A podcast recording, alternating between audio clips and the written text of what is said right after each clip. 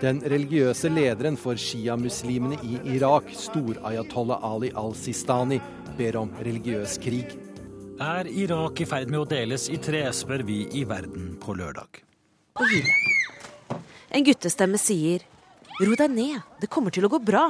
Alle jenter må jo gifte seg. I Kirgisistan blir nesten 12 000 jenter kidnappet for å, hjelpe, for å gifte seg hvert eneste år.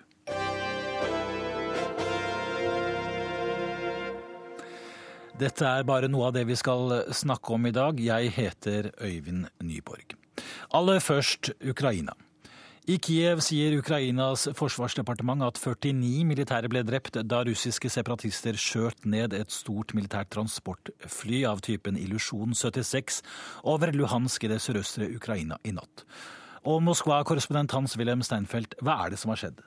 Det var et eh, Ilosjin 76 militært transportfly, ganske avansert og velprøvet, som ble skutt ned over Lugansk eh, i går, natt til i dag. Og eh, Det som da åpenbart har skjedd, er at forsterkninger til de føderale styrkene i sørøst-Ukraina er skutt ned av russiske separatister i Luhansk, som har erklært seg som egen folkerepublikk.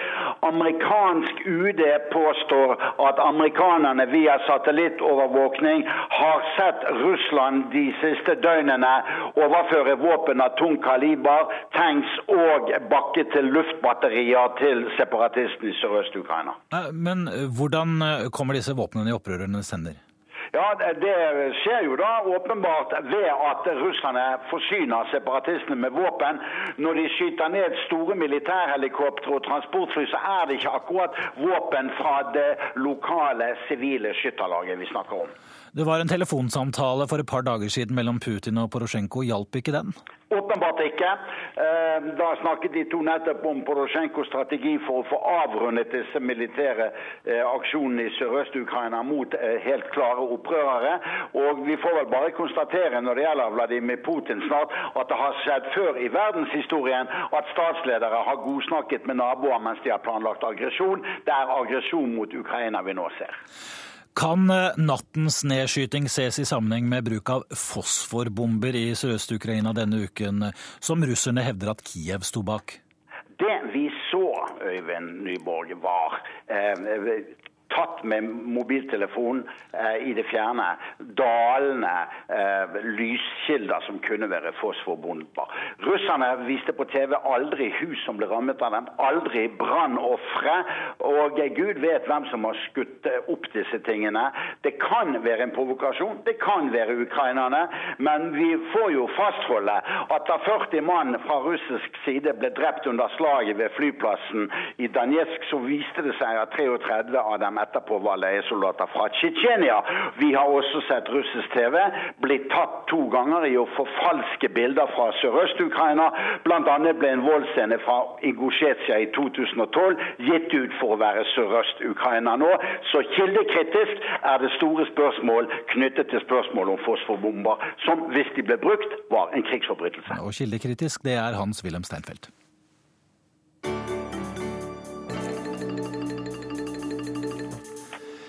I Irak truer den ekstreme islamistiske opprørsgruppa ISIL med å angripe hovedstaden Bagdad. Opprørerne har gjennomført en rask fremrykking i Nord-Irak og har bl.a. tatt byen Mosul. Eva Elmsæter, du er kollega i svensk TV og du er i Erbil, i de kurdiske kontrollerte områdene. Hvordan reagerer kurderne på det som skjer like over grensen? Eh, ja, jag befinner mig just nu vid gränsen då mot eh, Nineve-provinsen och vägen mot Mosul. Men eh, i stort så kan man säga att eh, kurderna reagerar med oro över det som händer i grannprovinsen och, och Isil. Och de är givetvis oroliga för det sönderfall som finns i Irak. Men de har förtröstan och tro till sin egen armé, eh, det vill säga den kurdiska peshmergan. Alla som jag har talat med vi kjenner oss sikre at det er vår garant for at vi er trygge. Flere hundre tusen sunni-arabere har flyktet over grensen. Hvilke konsekvenser får det? Jeg talte just med guvernøren her for uh, Erbil, og uh, han sier at uh, de klarer de behøver hjelp fra det internasjonale samfundet. Eh, de har kanskje kanske 100 000 som har kommet nå de siste dagene. Mange av dem har slektninger i Erbil og da får de hjelp där.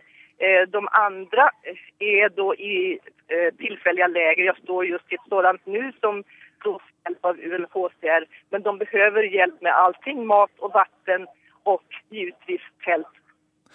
Kampene i Irak kan føre til at landet blir delt i tre. Sunniene, sjiaene og kurderne har nå kontroll over hvert sitt område. Borgerkrigen er i gang, sier en kurdisk politiker til NRK. Og resultatet? Det blir et delt Irak.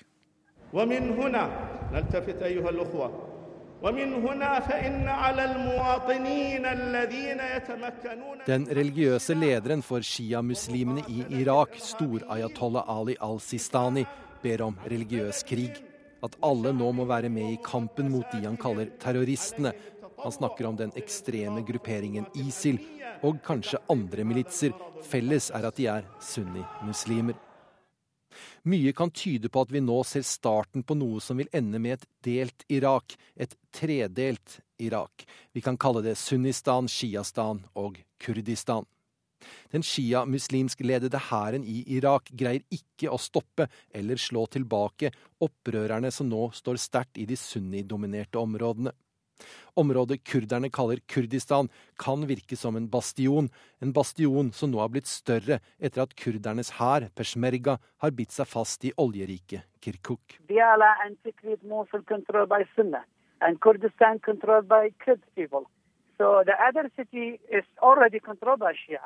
So it's very difficult uh, that we are going to be to, to work together again because uh, now the, the, the war den kurdiske politikeren og jusprofessoren Arafat Karam Stuni snakker med NRK fra sitt kontor i det juridiske fakultetet ved Soran University utenfor Erbil. Han mener det kan bli veldig vanskelig å forene de tre områdene igjen, for nå kommer krigen. Suni mener det nå er mange stater i den arabiske verden og i regionen som ser med stor interesse og delvis bekymring på det som skjer nå, og hva som blir resultatet. Spørsmålet er hvordan området som nå er kjent som landet Irak, vil se ut til slutt. I think, I think, uh, option.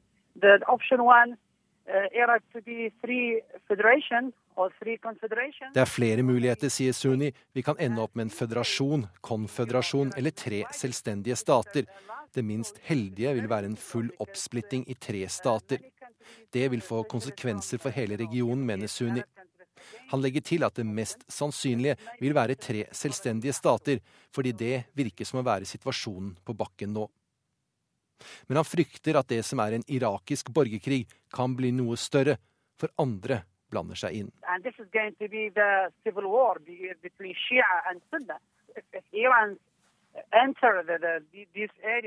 Iran har interesser og trenger seg inn i Irak fra Diala-området, sier Sunni. I går ble det kjent at den iranske republikanergarden er til stede i Irak med minst 500 soldater. Men Sunni mener Tyrkia også kan komme til å blande seg inn gjennom de kurdiske områdene. Dette blir borgerkrig, advarer Sunni, og legger til at resultatet blir et delt Irak. Reportere her var Halvard Sandberg og Mohammed Al-Ayubi. Og mangeårig korrespondent og Midtøsten-ekspert Odd Karsten Tveit. Hvorfor rakner det helt i Irak nå? Ja, det er flere grunner, men én viktig grunn er statsministeren Malakis rolle. Han har siden han tok makten eh, kjørt en politikk med sekterisk splittelse. Sjiaene har tatt over store deler, og sunniene er blitt skjøvet til sides. Og amerikanerne har vært med og sett at dette skjer. Så en stor del av grunnen er selvfølgelig statsministerens politikk. ISIL, denne opprørsgruppen, er veldig aktive også i Syria. og Hva har situasjonen der å si for det som nå skjer i Irak? Det er den andre grunnen til at det som skjer i Irak, det er statsministerens politikk og borgerkrigen i Syria. ISIL har vært aktiv i Syria. Og, eh, men nå har de på mange måter sagt vi venter med Syria og har flyttet over kreftene sine til Irak. Og der har de kjørt fram med noen ganske få tusen mann og har klart å tatt byene. Ikke fordi at de er så sterke, men fordi at befolkningen, sunnimuslimene i Nord-Irak, har i grunnen ønsket de velkommen, nettopp fordi at de er blitt satt til sides av eh, regjeringen i Bagdad. Så ISIL, som da er en ekstrem organisasjon som gjerne vil ha et, et område i hele Levanten under et eh, rigorøst islamsk herredømme med en kalif, en religiøs leder, som politisk og, og øverstkommanderende, de eh, ser nå seg eh, tjent med å alliere seg med den sunni-muslimske befolkningen i Irak, og ikke kjøre det løpet de har gjort i Syria, som har vært så brutalt at til og med Al Qaida, som de tidligere var alliert med, har snudd ryggen til ISIL. Tror du på en tredeling av Irak, som vi hørte om i reportasjen her? Det kan kanskje bli enda mer. Altså, Den sunnimuslimske delen av Irak, den nordlige delen, den kan flyte sammen med det østlige Syria. For i dag fungerer ikke grensen mellom det sunnikontrollerte Syria og det sunnikontrollerte Irak. Så det man kan se, er at de gamle grensene fra første verdenskrig smelter vekk, og at den nye sunni-Irak består av både Syria og Nord-Irak. Så det er en politikk nå som kan da velte om på alt det som kolonimaktene gjorde i første verdenskrig. Helt kort til slutt, kommer amerikanerne tilbake? Ikke med folk på bakken, men nå snakker de med iranerne om å jobbe sammen for å stanse det som skjer. Så det er en helt ny utvikling vi ser nå. آقای عبدالله هستن میخوان رای خود را به صندوق بریزن دقایق پیش اشرف غنی احمدزی هم به لیسه حبیبی کابل آمد و رای خود را I Afghanistan så ruller bildene av presidentkandidat Abdullah Abdullah over TV-skjermene. Han smiler bredt da han legger ned stemmen i urnen og holder opp fingeren sin med trykksverte som et bevis på at han har lagt sitt fingeravtrykk på det hele. Valglokalene de har eh, holdt eh, oppe noen timer allerede. og Vi forsøker nå å få tak i eh, vår mann i Afghanistan, Anders Tømme Hammer, som er i Wardak-provinsen utenfor Kabul. Har vi han med oss? Nei, da skal vi foreløpig gå videre i sendingen og høre at det er kampen mot uh, Taliban som uh, står i sentrum også for pakistanske Malala Yousafzai uh, også. Hun, er, hun ble skutt av Taliban fordi hun hadde markert seg i kampen for retten til skolegang. Og nå er hun i Oslo, og hun sier at hun håper at afghanerne vil få oppleve en demokratisk regjering.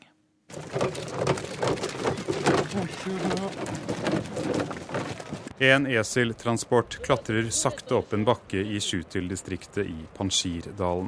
Eslene er lastet med valgurner, plaststoler og stemmesedler. En grunnoppakning for å kunne sette opp valglokaler i de mer aleneliggende landsbyene. Vi frakter både sensitivt og ikke-sensitivt valgmateriale til valglokaler i isolerte områder. Vi vil sikre at vårt folk ikke noe sted i landet ikke får mulighet til å gi sin stemme. Vi bruker alle mulige løsninger for at vi skal kunne velge vår fremtidige leder sammen, sier Feda Ahmad, valgfunksjonær i Panjshirdalen. Det er her i Panjshir, de fem løvers dal, at vinneren etter første runde, dr. Abdullah Abdullah, har aller størst oppslutning.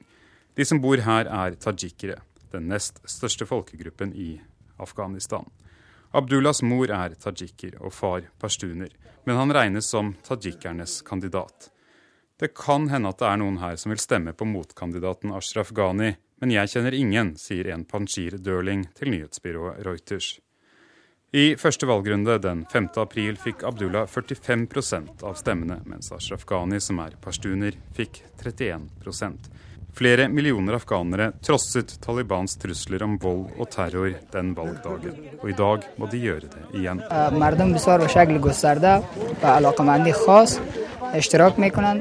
Vi kommer til å delta i valget i et stort antall. Vi vil gi vår stemme og velge vår fremtidige leder, sier landsbyinnbyggeren Gul Ahmad. Sikkerhetssituasjonen har gjort at også i oppkjøring til andre valgomgang har det vært et fravær av folkemøter og kun noen få offentlige opptredener.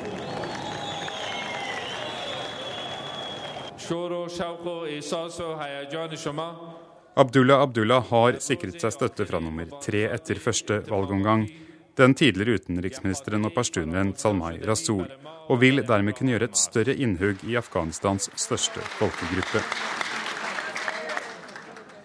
Politisk er det lite som skiller Abdullah og Ghani. Begge ser det som strategisk viktig å raskest mulig underskrive den ferdig forhandlede sikkerhetspakten med USA, en traktat president Karzai har nektet å underskrive. Ghani har vært Vestens yndling, delvis pga. sin tidligere toppjobb i Verdensbanken. Men viktigst for Vesten og de i Afghanistan som ønsker at demokratiet skal få fotfeste, er at andre valgomgang gir en klar vinner. Et jevnt eller uklart resultat og mulige beskyldninger om valgjuks og en utsettelse av innsettelsen av en ny president vil først og fremst tjene Taliban. Hvis den politiske situasjonen forverrer seg pga. dette falske valget, har vi kapasitet til å etablere lov og orden på samme måte som vi har gjort før, uttalte Saibullah Mujahid, en av Talibans talsmenn, for noen dager siden. Vi vil ikke la det samme skje i Afghanistan som har skjedd i Irak, sa talsmannen. Det sa reporter Philip Lote, og jeg lovet dere at dere skulle høre Malala, og det kan vi gjøre kort her.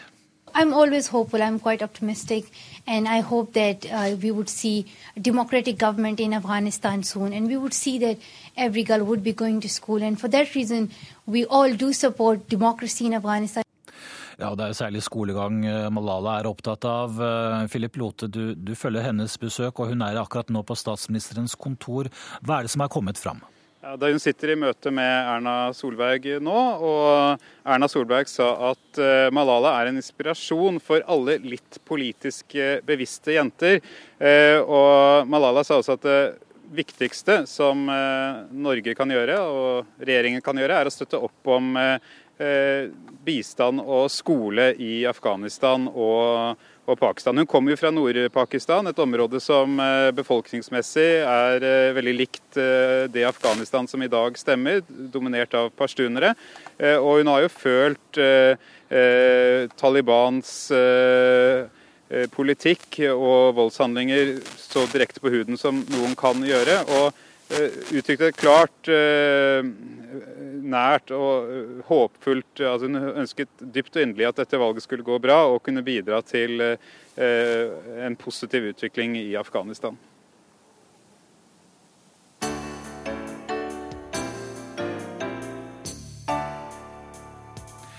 Vi skifter beite og skal til Kirgisistan, for der blir nesten 12 000 jenter kidnappet for å gifte seg hvert eneste år. Den omstridte tradisjonen har blitt eh, sterkere etter at landet brøt med Sovjetunionen. Det forteller reporter Guri Nordstrøm.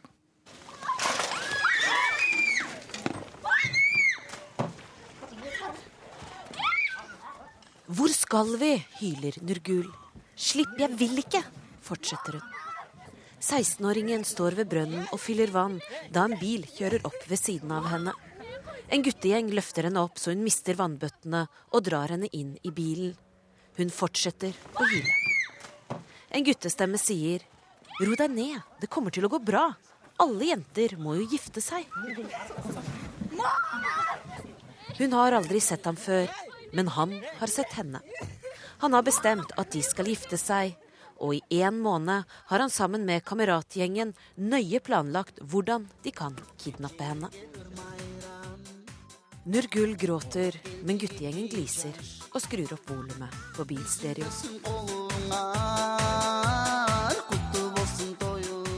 Dette er Kirgisistan, et lite landlåst land i Sentral-Asia på grensa til Kina. En gang var det en del av Sovjetunionen, men da det imperiet ble oppløst i 1991, måtte republikken forsøke å finne tilbake til sin egen identitet. Som et tidligere stamme- og nomadesamfunn har såkalt brudekidnapping blitt en del av denne nasjonsbyggingen. Det er ulovlig, men likevel kidnappes rundt 12 000 jenter hvert eneste år forteller sosiologiprofessor Russell Kleinbach ved universitetet i Philadelphia. The majority of the police and officials in the country don't even know it's illegal, or if they do, they believe it's an old tradition. Den såkalte tradisjonen holdes mest i hevd på landsbygda, der rundt halvparten av ekteskapene starter med kidnapping. På krisesenteret i hovedstaden Bishkek ser de de grimme resultatene av skikken.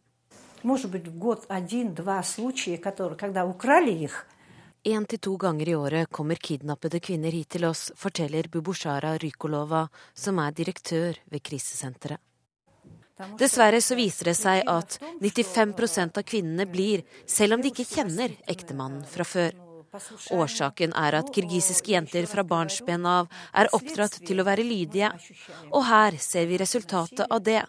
Vi ser voldelige relasjoner, skilsmisser, forlatte barn og jenter som havner i prostitusjon fordi de ikke kan gå tilbake til sine opprinnelige familier etter skilsmisse. Når noen blir værende, dreier det seg ikke om kjærlighet, sier Rukolova. En som kan skrive under på nettopp det, er Abdysova Synagul. Hun viser frem et bilde av datteren sin og forteller at hun ble kidnappet om natten da ingen av foreldrene var hjemme.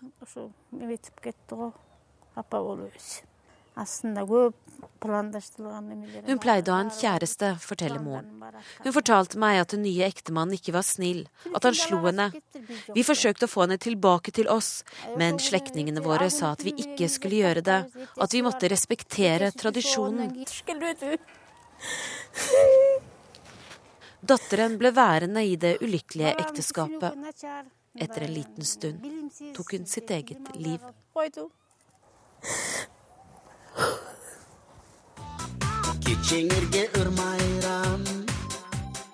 Tilbake til bilen med kidnapperne er Nurgul nå fremme hos sin kommende svigerfamilie. Der har den ukjente familien allerede gjort i stand til bryllup, og brudgommens mor og tanter trer et brudeslør på hodet hennes. Nurgul gråter fortsatt og sier hun har en annen kjæreste. Det har du ikke nå lenger, svarer damene.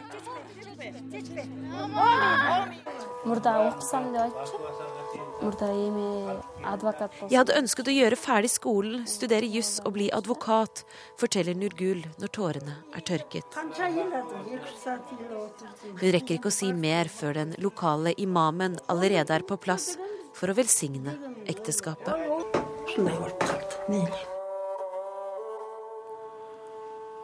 Klokka nærmer seg halv tolv. Du hører, til, hører, på Verden på lørdag i NRK P2. Og nå skal vi høre at mange millioner mennesker eh, verden over er savnet, enten de er forsvunnet i krig, naturkatastrofer eller de er tatt av dage. Det bør være en menneskerett å få identifisert familiemedlemmer for å få visshet og ro i sjelen, sier Knut Vollebekk, som representerer ICMP, en internasjonal organisasjon for savnede personer. Jeg vet ikke hvor min kjære er. Hun roper ut sin fortvilelse, moren til en av passasjerene som forsvant med det savnede Malaysia Airlines-flyet. Det har gått tolv dager, og sønnen min, hvor er sønnen min? Hvorfor sier dere ikke hvor sønnen min er? Vi kan alle forestille oss hvor grusomt, ja hvor lammende det er om en av våre kjære forsvinner for godt. Men er det en menneskerett å få vite hvor savnede personer er blitt av, og få dem identifisert? Ja, mener Knut Vollebekk, tidligere utenriksminister, nå kommissær for ICMP, International Commission on Missing People. Jeg vil gjerne kalle det en menneskerettighet, og det er iallfall veldig viktig. Både for disse menneskenes eh, videre liv, men vi ser også at dette er viktig for samfunn. Jeg besøkte Bosnia nylig og traff eh, familiemedlemmer etter dem som ble massakrert i Srebrenica i 1995. Og det er ingen tvil om at det arbeidet som er gjort for å identifisere de drepte i den massakren, var helt avgjørende for menneskenes overlevelse og fortsatte fungering i samfunnet. Mange jeg snakket med sa at hvis man eh, kan tenke seg en forsoningsprosess i Bosnia, så er dette å få vite hva som har skjedd med mine familiemedlemmer, det, det, det er helt nødvendig. Så lenge menneskeheten har eksistert, har folk forsvunnet. I naturkatastrofer eller i krig. Noen blir tatt av dage, andre bortført. Tilbake sitter en søndreknust familie, ofte en fortvilet enke, som får problemer med å fortsette uten å få vite hva som har skjedd. Skal du få en pensjon? Skal du kunne gifte deg igjen? Mange av disse eh, veldig praktiske spørsmålene er også avhengig av at man får bevis for at vedkommende er gått bort. They want to know how they died. They want to know what the circumstances were. They want to know who the perpetrator is, and they certainly want the perpetrator to be held. Familiene vil dessuten vite hvordan deres kjære døde, slik at de ansvarlige eventuelt kan stilles for retten. Catherine Boomberger er leder for ICMP, organisasjonen som identifiserer savnede personer så langt den kan. President Bill Clinton grunnla denne organisasjonen i 1996 for å hjelpe til med identifiseringen av de 40 000 som var savnet etter krigene på Balkan. ICMP har funnet 70% av de savnede, og identifisert hele 90% av dem som ble drept i Srebrenica. Nå er mandatet utvidet til å gjelde hele verden. Um, Vi vet rett og slett ikke hvor mange som er forsvunnet og savnet. Listen er lang, og det dreier seg om millioner av mennesker, sier Boomberger. Catherine Boomberger er i Norge for å treffe organisasjoner og folk hun kan samarbeide med, som f.eks. Røde Kors, som også sporer opp forsvunne folk. Etter naturkatastrofer er det lett å samarbeide med myndighetene i de aktuelle landene. Men etter en krig er det langt vanskeligere, for da har mange noe de vil skjule. Hele 17 000 libanesere forsvant under den 15 år lange borgerkrigen i Libanon. Men de etterlatte er fremdeles redde for å kreve etterforskning 25 år senere. Afraid uh.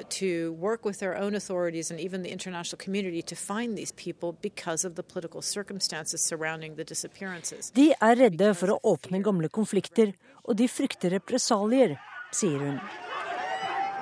Da Storbritannias statsminister David Cameron besøkte Jafna nord på Sri Lanka sist november, ble han møtt av sorgtunge tamiler med bilder av menn og sønner savnet etter den lange borgerkrigen på øya. BBCs Nick Robinson fulgte Cameron.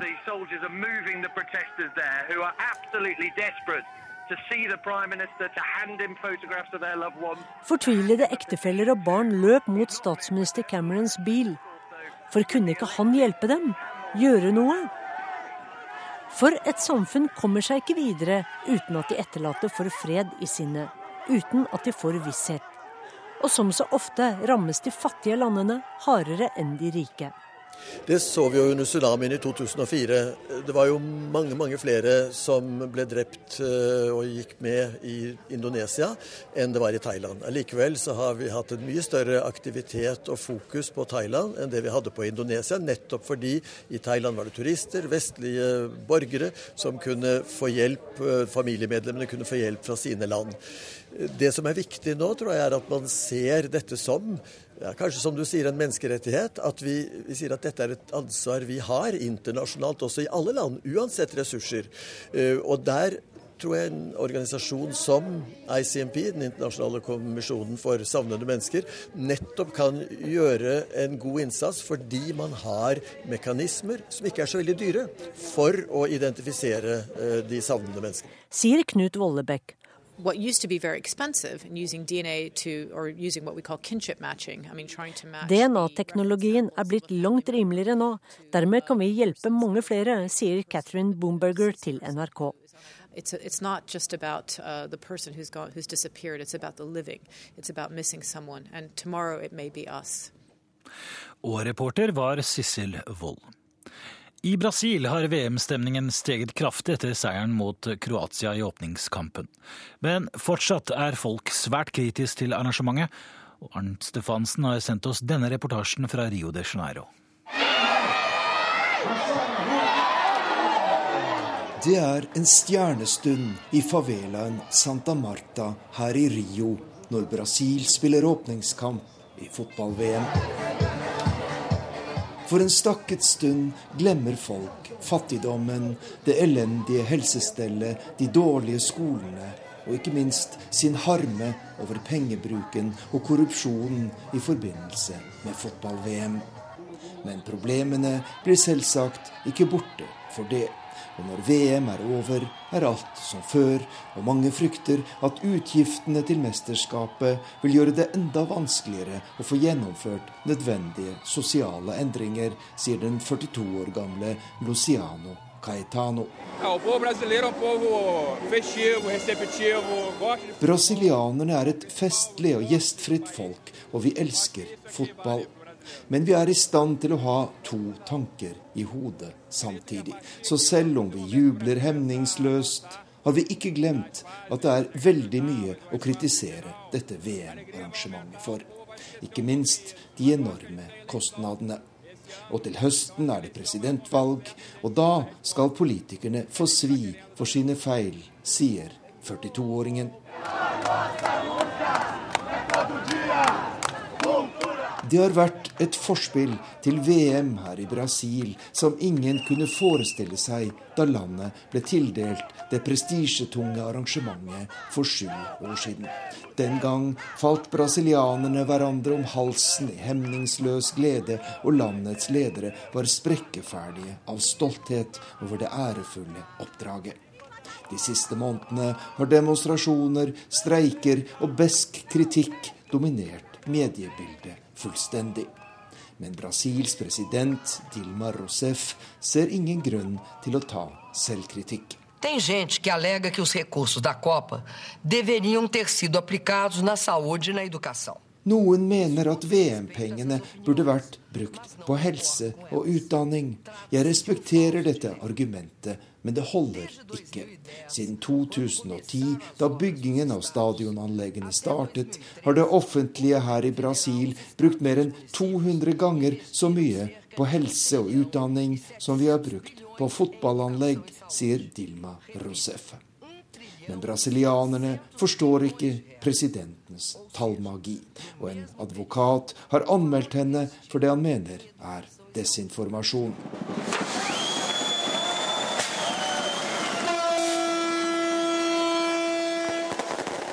Brasil for noen år siden. Et norsk supply-skip blir sjøsatt med fyrverkeri og stor festivitas på et verft utenfor Rio. Det brasilianske oljeeventyret har trukket mer enn 100 norske selskaper til landet, og alle piler peker oppover. Men i dag er optimismen borte, og den økonomiske veksten er stanset nesten helt. En viktig forklaring på den sterke misnøyen med VM-arrangementet, sier den norske forretningsmannen og Brasil-kjenneren Hans Ellingsen. Optimismen er alltid for stor. De går ut med svære overskrifter uten at de egentlig har grunnlag til det. For det er mye vanskeligere å drive i Brasil enn hvilken som helst annet sted i verden. Jeg har sett mange high executives komme inn fra både fjern og nær som tror de kan verden, for de har vært alle steder. Og Så kommer de hit, og så får de seg en smell.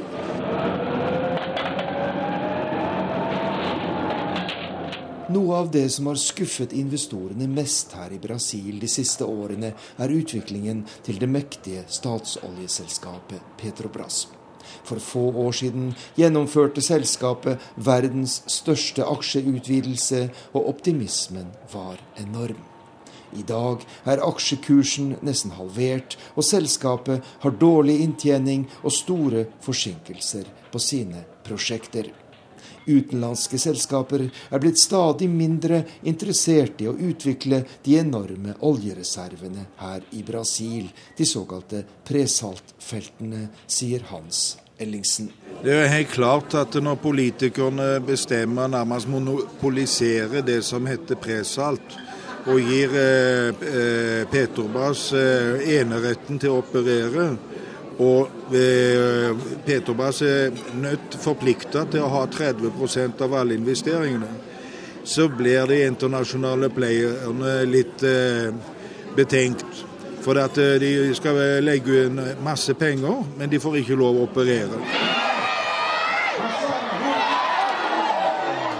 Brasilianerne gleder seg over sine fotballhelter. Men fremtiden for landet er langt mer usikker enn noen trodde for bare få år siden. Fotballens eh, storhetstid i Brasil oppsto under diktaturet i landet som tok livet av svært mange mennesker. Og når eh, Brasils president Imna Dima Rousef og fotballpresident José Maria Marin skal dele ut VM-medaljene, så er det torturofre og torturentusiasten som møtes. Det sa forfatter Marius Lien da jeg snakket med ham før sending. På 70-tallet eh, så var eh, Dilma Rousef eh, politisk aktivist. Og hun ble arrestert og torturert. Satt vel i fengsel i tre uker. Ble torturert hele tida. Hun møter da under VM, og for så vidt jevnlig, José Maria Marin, som er president i CBF, Brasils fotballforbund. Han har en litt spesiell historie.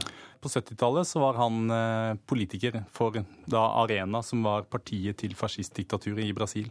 Og det er da særlig ett drap som har eh, dukka opp som et spøkelse for José Maria Marin. Eh, det dreier seg om journalisten Vladimir Herzog. Han var jobba i 1975 i TV Kultura, som var den statseide TV-kanalen. Eh, sånn I august 75 eh, så begynte det å dukke opp kritiske artikler i, et, eh, i en regimeavis. Kritiske artikler mot TV Kultura, som Vladimir Herzog jobba i. Artiklene mente at TV Kultura var blitt et talerør for kommunismen. Ho Chi Minhs forlenga arm i Brasil. På et tidspunkt så gikk José Maria Marin på talerstolen i Sao Paulo og holdt et aggressivt innlegg der han tok til orde for at uh, nå må noen ta grep. Nå må noen stoppe TV Kultura. Og kort etterpå så uh, dukka det da opp uh, noen agenter fra Sao Paulos hemmelige politi i studio hos TV Kultura. Agenten ville ha med seg Herzog, men han sa sorry, jeg kan ikke komme, jeg skal lede en sending på TV. Men jeg kan eventuelt komme i morgen. Så han møtte da opp på, hos politiet morgenen etter, blei tatt med rett inn. Døra smalt igjen, og så starta torturen.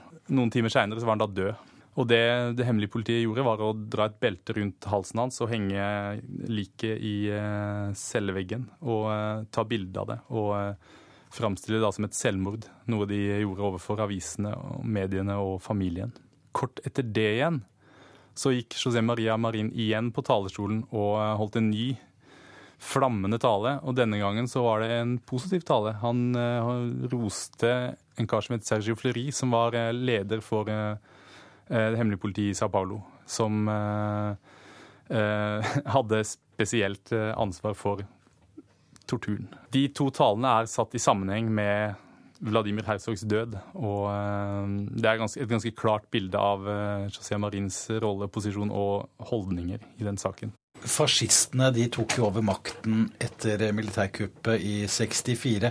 Eh, Brasil vant VM i 1970. Hvilke kår hadde fotballen under diktaturet?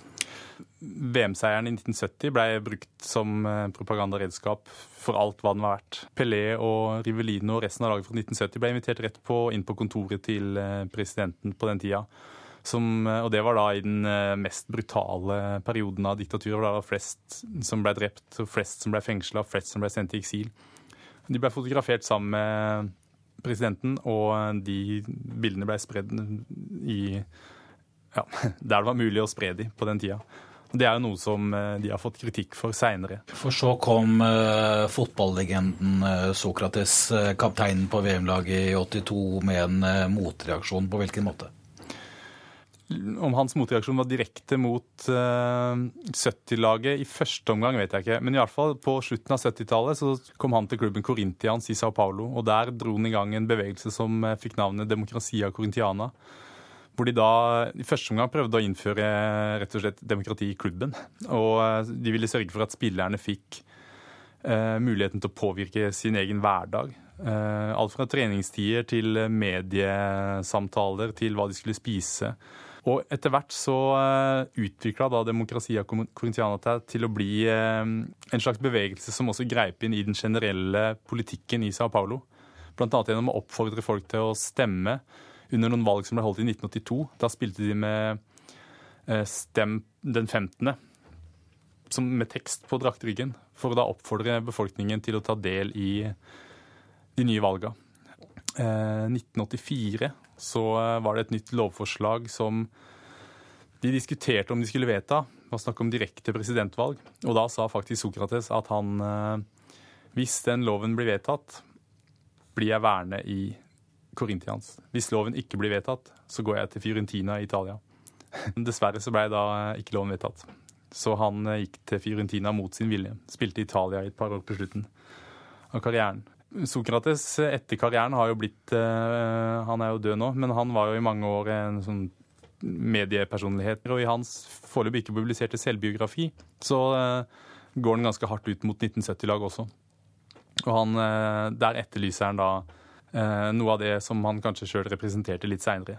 At noen av spillerne, f.eks. Pelé, faktisk eh, benytta seg av den posisjonen de hadde i 1970 til å si noen Paul gjorde til generalene. Noe jo mange folk i kulturlivet gjorde. Det var masse artister og forfattere som, eh, som var kritiske, men ikke på fotballbanen. Men nå er fotballfesten i gang, og i dag er det Italia-England. Hvordan går det? Italia-England, ja. Um, nei, det er vel ikke noe grunn til å tro at det blir veldig mange mål der, i hvert fall. Uh, hvis ikke Wayne Rooney endelig har funnet formen.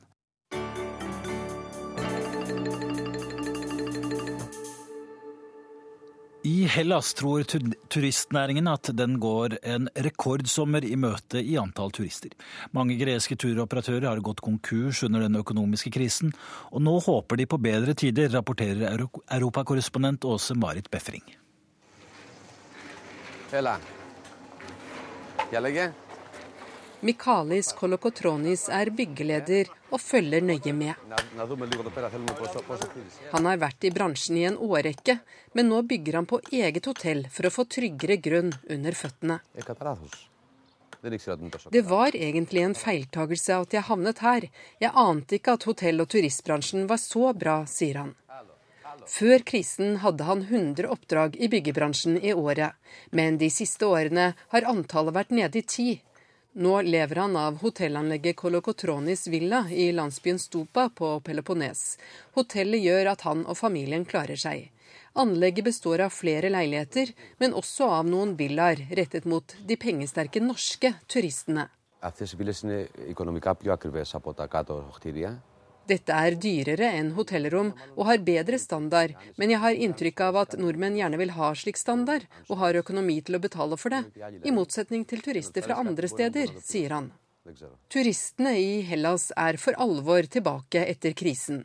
I fjor kom flere enn noen gang før, og turistbransjen forventer større pågang i år, sier generalsekretær i den nasjonale turistorganisasjonen Panayotis Livadas. 2013 we had a record year, and it looks like 2014 is going to be an even better year. That means a second year back-to-back record-breaking year. Men de norske turistene sviktet.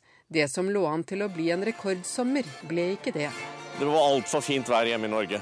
Eh, rett og slett. Eh, og de ville nok ha kommet, men eh, vi er veldig væravhengig.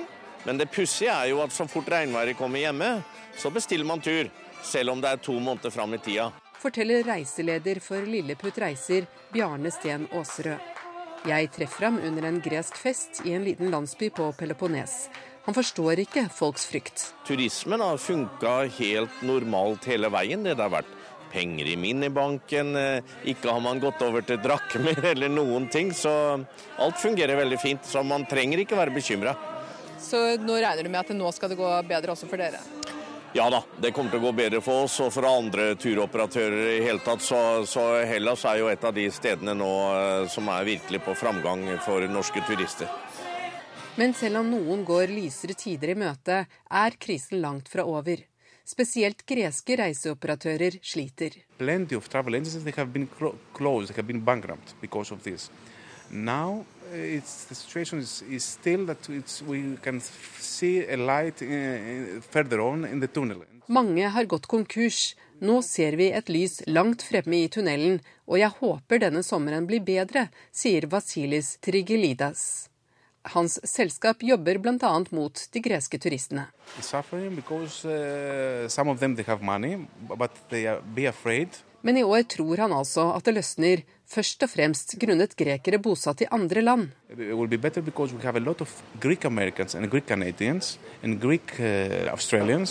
We have uh, information that uh, all the planes, especially from Australia, they are full. Men hotelleier Mikalis Kolokotronis er klar til å ta imot norske turister. Jeg er optimist og sikker på at det går bra, sier han. Men helt sikker kan han likevel ikke være. Det er det samme hvert år. Hvis det er bra vær i Norge, så kommer ikke nordmenn. Da blir de hjemme. Åse Marit Befring, Peloponnes, Hellas. Ja, da får vi se på været. Vi skal åpne det siste korrespondentbrevet fra avtroppende Asia-korrespondent Anders Magnus. Morgenlyset snek seg inn gjennom godbjørkenen som et rosa slør over de slake gressbakkene. Det nye landet viste seg i sin vakreste morgenskrud for oss som følte magien ved endelig ha nådd fram til Midtens rike. Etter en uke langs snødekt russisk bjørkeskog og mongolske stepper hadde den transsibirske jernbane ført oss fram til grensen. Nå var vi i Kina. Klokken fem om morgenen insisterte en kinesisk forretningsmann på å ta meg med til spisevognen. Oppholdet i det nye landet måtte innledes på aller beste måte, med kinesiske retter.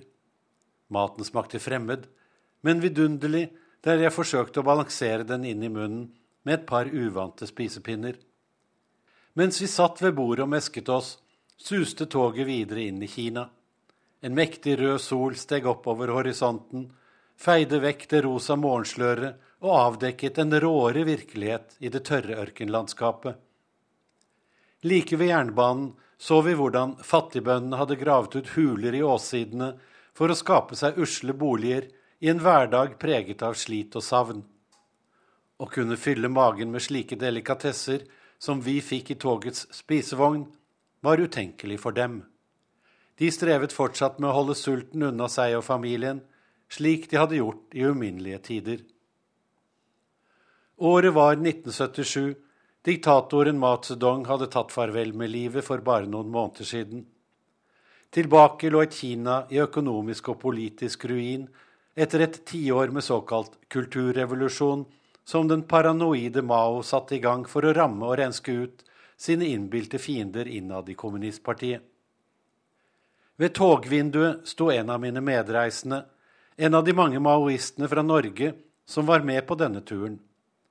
Over seg av begeistring for endelig å ha nådd det forjettede land, øste hun ut sin lovprisning. Se så flott folket bor her, sa hun og pekte mot de fattigslige hulene. Mye bedre enn i Sovjetunionen. Gjennom hele kulturrevolusjonen hadde hun forsvart despoten Maos herjinger med Kina og kritisert det statskapitalistiske Sovjet. Nå kunne hun slå fast, etter å ha studert sitt favorittrike et par timer fra togvinduet, at Kina var det lykkelandet hun hadde drømt om i alle disse årene. I dag har skjell falt fra øynene på de fleste av dem som den gang var marxist-leninister og maoister. Nå har de sett hvilke lidelser et totalitært system kan påføre sitt folk. I 2014 står en ny gruppe nordmenn klar til å glatte over det kinesiske kommunistpartiets jerngrep om makten. Overraskende nok kommer mange fra næringslivet. De er slett ikke marxist-leninister, men befinner seg heller ute til høyre på det politiske spekter. I Kina er det akkurat passe med demokrati, sa en norsk næringslivsleder til meg her i Beijing rett etter at jeg begynte som Asia-korrespondent for fire år siden. Her får man gjennomført ting raskt og effektivt, la han til. Etter at fredsprisen i 2010 ble tildelt den kinesiske demokratiforkjemperen Liu Xiaobo, mente framtredende næringslivsrepresentanter i Norge at prisen heller burde gått til Maos etterfølgere i det kinesiske kommunistpartiet. I et innlegg i Aftenposten i april i år skriver en norsk næringslivsleder bosatt i Kina om Dalai Lama og Liu Xiaobo. De er motstandere av styresmaktene. Hvilke konsekvenser ville det fått for Kina om de plutselig skulle akseptere at individer som er definert som en sikkerhetsrisiko, kan anerkjennes internasjonalt uten at Kina reagerer på det, heter det i innlegget. En av mine unge kinesiske venner er særdeles krass når han omtaler såkalte Kina-eksperter fra Vesten som har bodd lenge i landet og snakker kinesisk flytende. Ingen langneser som har studert kinesisk i Kina, bør få komme tilbake hit, sier han. De er alle sammen hjernevasket. Han utdyper synspunktet sitt slik. Disse folkene har investert mye tid og penger på å lære seg kinesisk.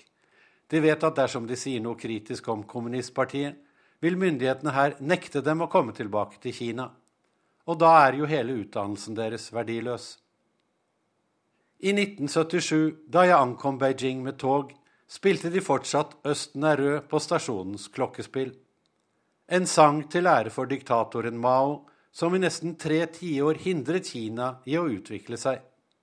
Etter at han døde, har kinesiske bønder og arbeidere tatt igjen det tapte og skapt et ganske annerledes Kina. Den gang for 37 år siden gikk nesten alle folk rundt i samme type klær, de såkalte Mao-dressene i enkelt, blått bomullsstoff for både kvinner og menn. Bare partipampene kjørte bil, alle andre brukte sykler. Den gang var det kanskje Nine Million Bicycles in Beijing, som Katie Melua synger, og syklistene fosset inn over de brede avenyene som en buldrende elv hver gang lyset skiftet fra rødt til grønt. I dag er klesdrakten litt annerledes, for å si det forsiktig. Bare noen få svært gamle mennesker kler fortsatt på seg den blå Mao-jakka. Ellers er det mest fargerike klær i vestlig snitt å se. Gjerne dyre designerantrekk for dem som har råd til det, ofte med briller og vesker fra Gucci og Prada som tilbehør. Damer med slikt utstyr sykler aldeles ikke. De tripper på høyhælte sko inn i sin Porsche eller Audi, mens de hele tiden snakker i mobiltelefonen, også bak rattet. I dag er det millioner av biler i Beijing, nærmere seks millioner for å være eksakt, så på bulevardene mellom alle skyskraperne er det ikke lenger plass til så mange sykler. De siste tiårene har det vært en dramatisk forbedring av levestandarden i Kina, særlig i byene. Mange utenforstående, også i Norge, er imponert over denne voldsomme økonomiske framgangen. Ettpartistaten og den kinesiske statskapitalismen har vist seg som en nærmest uslåelig kombinasjon når det kommer til å levere rask vekst, sa en næringslivsleder nylig til Aftenposten.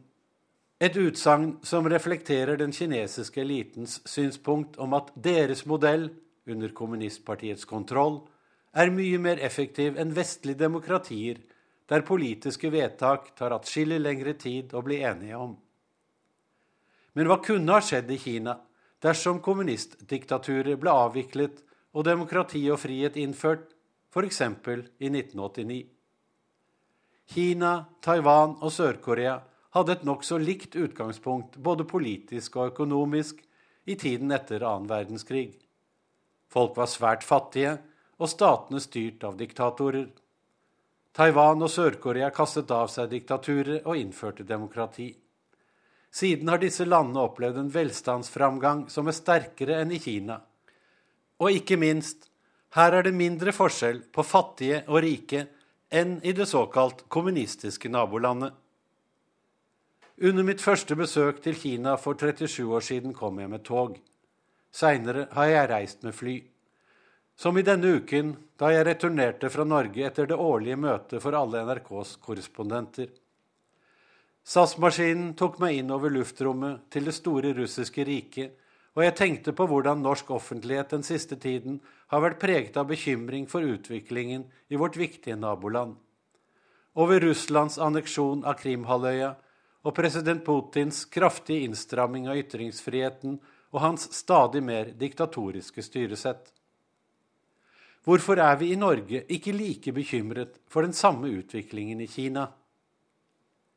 Da jeg kom til landet som korrespondent for fire år siden, hadde jeg et fåfengt håp om at Kina skulle utvikle seg i mer liberal retning. At den nye kommunistlederen Xi Jinping skulle innføre politiske reformer som ga folk mer frihet. I stedet har det gått i motsatt retning. Den politiske kontrollen er nå hardere enn noen gang siden 1989, og det har blitt stadig verre de siste to årene under Xis ledelse. Under sitt besøk i Kina høsten 2010, før annonseringen av fredsprisen, advarte daværende utenriksminister Jonas Gahr Støre i et intervju med NRK om at Kinas politiske ledelse ønsket å eksportere sin totalitære styreform til resten av verden. Nå ser vi at både Russland og mange andre land i Midtøsten, Afrika og Asia følger en slik utvikling. Demokratiet er på vikende front i verden. Kinas økonomiske vekst har endret verdensøkonomien, og vi vil alle gjerne sikre oss en del av den voksende kinesiske kaken. Men kan vi gjøre det uten å bry oss om rettighetene til dem som har vært med på å bake kaken? På denne dag i 1965 spilte Bob Dylan inn denne låta, en låt det først var vanskelig å få gitt ut, men som kom med på LP-en Highway 61 Revisited.